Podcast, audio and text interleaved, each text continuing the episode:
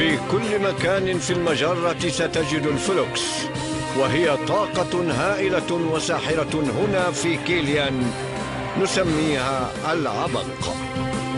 الفلوكس كانت قوية جدا لدرجة أنه تم تجريمها ما عدا في كرة قدم المجرات أروع رياضة في الكون. لكن منذ خمس عشرة سنة حدث انفجار غامض هز كيليان وأبعد الفلوكس ودمر فرصتنا في كأس كرة قدم المجرات خمس عشرة سنة بدون فريق لائق ولا شيء غير الثلوج. والآن عاد الأمل ثانية مع مجموعة من اللاعبين الصغار لاسترداد عبق كيليان. مصيرنا أصبح في أيديهم. السلام عليكم ومرحبا بكم. بودكاست جديد ايبيزود جديدة مع معكم نجيب. اليوم حن كيف كيف؟ كيما لا ديرنيير فان نسيو نجيب لكم دي كرياتور من بارتو من المون نسيو نحكوا على لي كرياسيون تاعهم اليوم. انفيتي سبيسيال راح يحكي لنا على واحد لا سيري اللي أنا بيرسونيلمون كبرت نتفرج فيها. اللي هو اسمها غالاتيك فوتبول لي لي لا جينيراسيون تاعي كامل تشفاو عليها. دونك اليوم راهو معنا جيفري باش يحكي لنا على الافونمون تاعو كيفاش كان في هاد لا سيري نحكوا شوية على هاد الأمور وثم آه، نكملوا البودكاست آه، مع جيفري كيف كيف فوالا هاي جيفري هاو ار يو Very well, thank you. It's a pleasure to have you. It's it's a pleasure to have you here today. I'm excited to dive into the world of galactic football and learn more about your involvement in the show. Sure, with great, great pleasure. What would you like to know? to kick uh, to kick uh, things off, um, could you provide our audience with a brief overview on Galactik Football and how you become a part of this e- exciting project? Um, well, Galactik Football uh, had already one season um, uh, run by Laurent Turner. Uh, he was the showrunner and the story editor for for that, and it was very popular. Uh, and I had worked on um, another series for uh, Jetix, which became um, Disney, called Oban Star Racers. And um, so Alphanim, who produced it in Paris, uh, asked me to be uh, the story editor for the second season. And uh, I agreed. And I didn't know anything about Galactik Football, and I didn't know anything about soccer. You know, I had to learn everything, uh, which was a lot of fun, actually. Uh, so I watched the whole first season, and I took elements I thought were very interesting, and um, uh, I had to create a new team called uh, the Xenons, that were sort of lizard creatures, and two players for the Snow Kids, uh, Mark and Yuki. I created those, and I wrote first a, a big grid and uh, an 86 page story arc. I was crazy, and uh, and I wrote 15 episodes and, and co-wrote 11 episodes. So Mm. I, I I manicured the season. Perfect. And- So I think the idea was uh, the, the the idea of the whole show was to create that uh, uh, unique fusion between science fiction and sport. You told me that you joined the team on the second uh, season, uh, but for you, uh, what do you think inspired the concept of blending the science fiction and sports, particularly football, on on this show? Well, I think it's it's it was uh, an interesting visually for um, um, for animation uh, because you can go anywhere with animation inside things or out into outer space. Um, the motion capture was very interesting in that show because we had a- actual uh, team players from the France team, you know, wearing mocap and doing the things uh, that was captured and then placed on on the characters. Uh, so that was very exciting, and um, uh, but the idea itself, it's true. It was something that they came up with that was uh, unique for the for the time. Uh, but they also knew that uh, football is uh, popular all over the world. Soccer, as we say in America. Mhm. yeah, soccer. Were there any particular animated or science fiction uh, uh, that served as inspiration for you for the second uh, season? Uh, not not particularly. I mean, um, the uh, I just wanted to preserve the integrity of the first season. Um, and uh, and build on that, uh, which is tricky when you have something that's very popular and then you have to come. You're the you know second season. It's uh, a lot of pressure, um, but it worked out very well because. Um, uh, the components are there. The the the play between the the the characters themselves, you know, the intrigue uh, between the teenagers, um, the the uh, alien creatures. Uh, it was just everything was there. Actually, that's an interesting topic. Was it easy to work on, on top of another creative work, or uh, was it uh, easy for you? Uh, it was it, once I watched it and took notes and thought, okay, now I know what I want to do. Um, and uh, then I spent a few months writing the story arc, you know, for 13 and a half hours of, of cartoon. Um, and uh, working on a sequential uh, series is a lot of fun because you're like a clockmaker. You know, you can plan something in this episode, and four episodes later, you know, it pays off. And um, it's the most fun to work on uh, those kind of series where you have every episode is connected, and then you have you have the teams, you have all the scoring to keep track of, uh, and uh, you know it was it was a lot of balls to uh, throw in the air. But I I, I didn't feel uh, um, uh, you know pressured by the first season. I thought uh, it was a wonderful season, and and I would take the good things and try to make it better. Mhm. Bes- Besides the, the, the, the rules of football and the the mock-up uh, uh, the mock-up uh, um, emotion made by by players, were there any specific or a particular animated uh, uh, or any any uh, specific real world football elements that influences the game dynamics in in this series? Well, I think I was probably watching the World Cup at one point during that, working on it.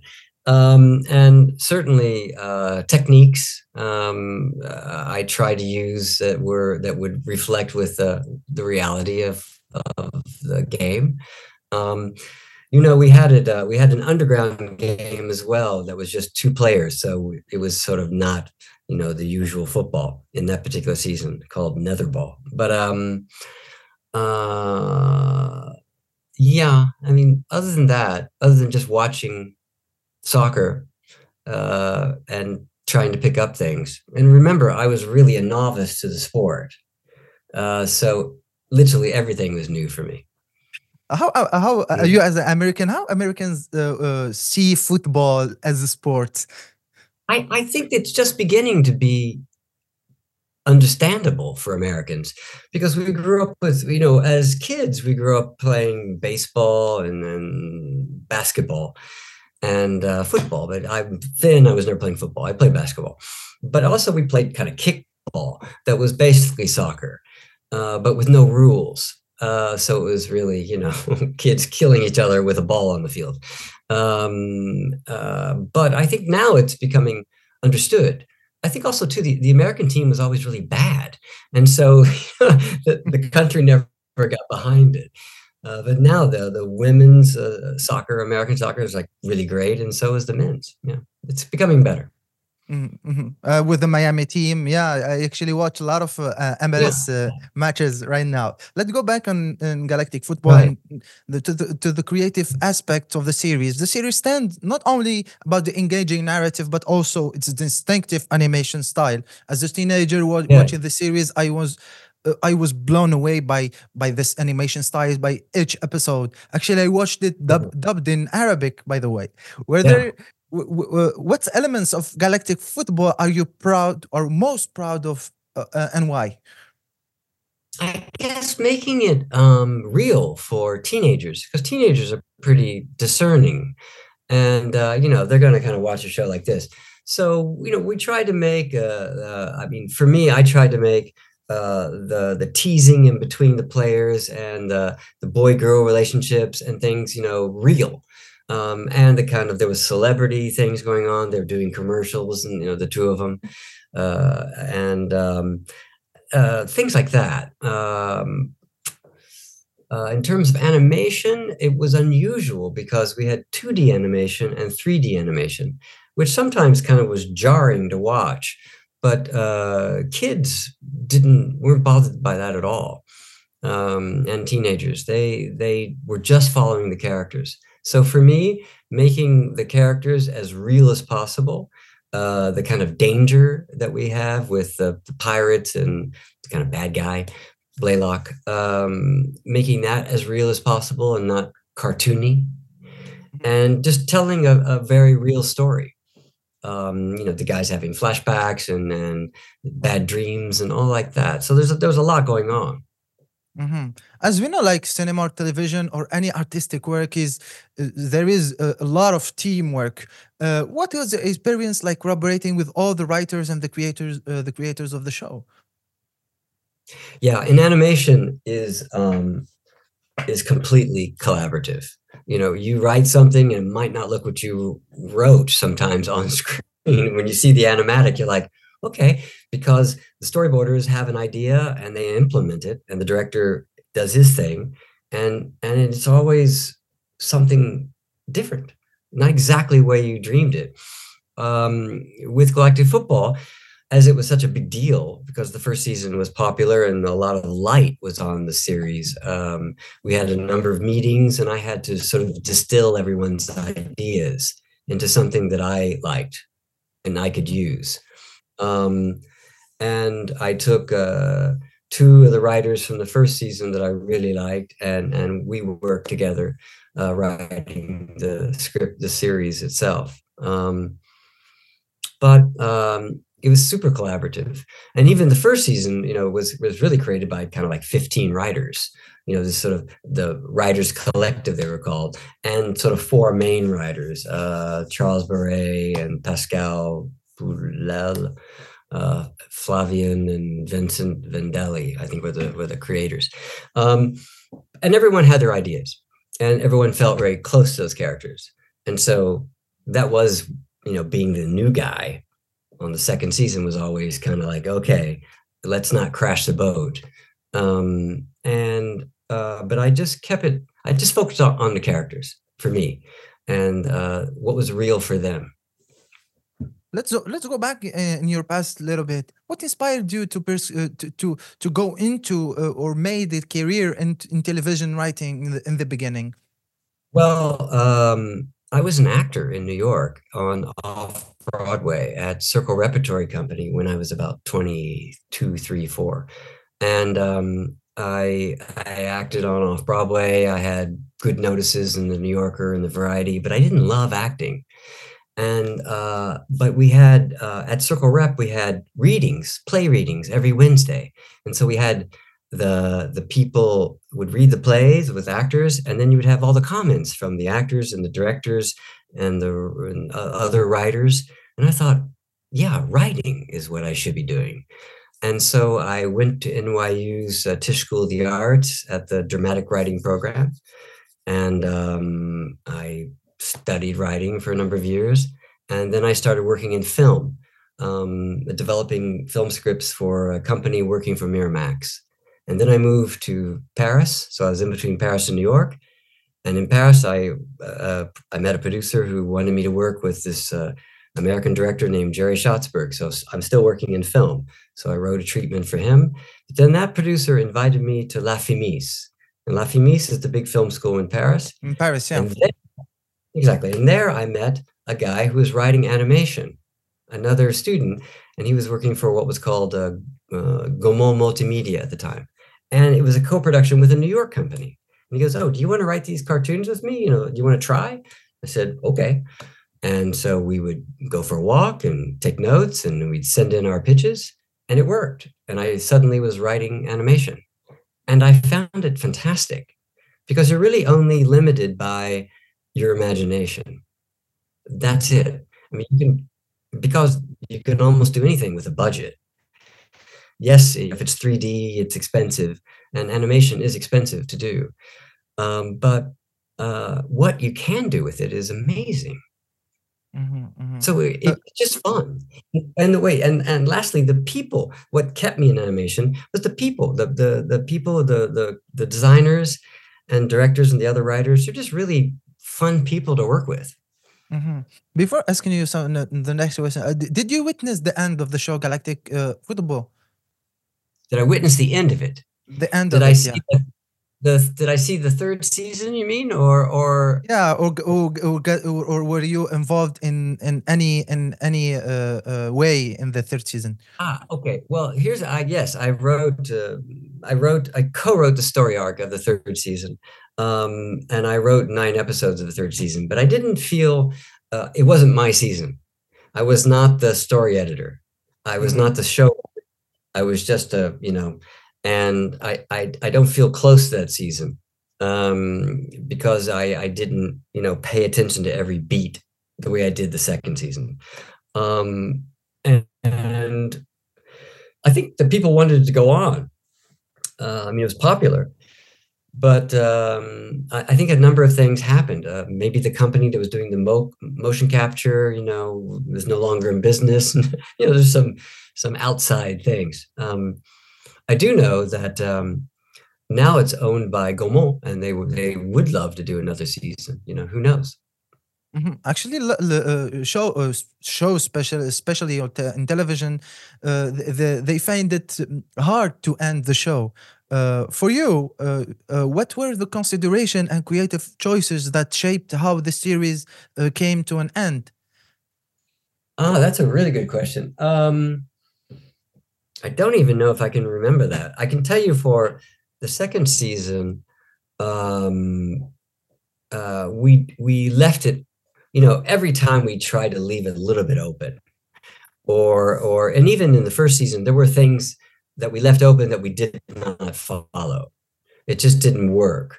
Um, and so at the end of second season, we left things open. Um, and uh, of course, I had destroyed the the glass uh, pitch that they play on by the scoreboard crashing through it, Mhm, mhm. which was great to discover it was possible. I remember asking the people to test that, and they showed me a little test, and I thought, yeah, let's let's smash it. Um, and it was fun to do uh, in in 3D. Um, but for ending the third season, I, I can't recall. I really don't remember. Um, as I said, I'm sort of distant from that season. I, I really expected it to go on, um, but things had changed with that company. Yeah. Mhm. Speaking of a reboot or a remake, let's say, are you open of uh, uh, uh, about that uh, as someone who has contributed to the success of Galactik Football? Second question: What are thoughts uh, uh, on the cur- uh, the current landscape uh, of French animation or animation in general? Oh, there's there's so much going on, and and so many different things going on, and so many genres that still could be explored. Um, I'm always surprised by things I'm seeing. Um, French animation is is unusually strong. Uh, I think mostly now they're moving towards feature films in France, Mhm, mhm. uh, but there's still plenty of series happening, um, which are international. Uh, I would that would be very cool actually a, a reboot. The way you say reboot makes me think all kinds of new things for Galactik Football, because even visually it could be it could be stronger. Um, I always felt the show should be tighter uh, in its direction and and even the writing, and to really make it fast. And I think that's also more modern because now the show is even the editing is sort of dated. Um, I think editing now would be quicker. Um, uh, but the rebooting is a great idea. I hope I hope somebody takes it up. On I hope someone does it. No, I, I would be all for it. You know, I, I wasn't one of the original creators. I was someone who built on something, um, but um, it was still precious to me. Uh, but I wouldn't feel married to the characters, and I, I think they're allowed to evolve. And um, it would be really fun to have a reboot. Mhm. Discussing with a lot of creators, directors, and writers, they th- there is always a debate about uh, uh, a topic uh, uh, which is uh, there is less original ideas now uh, in animation or cinema or television. What do you think about that? I think there are less, perhaps less original ideas that are being made. Yes, yes, I agree with that.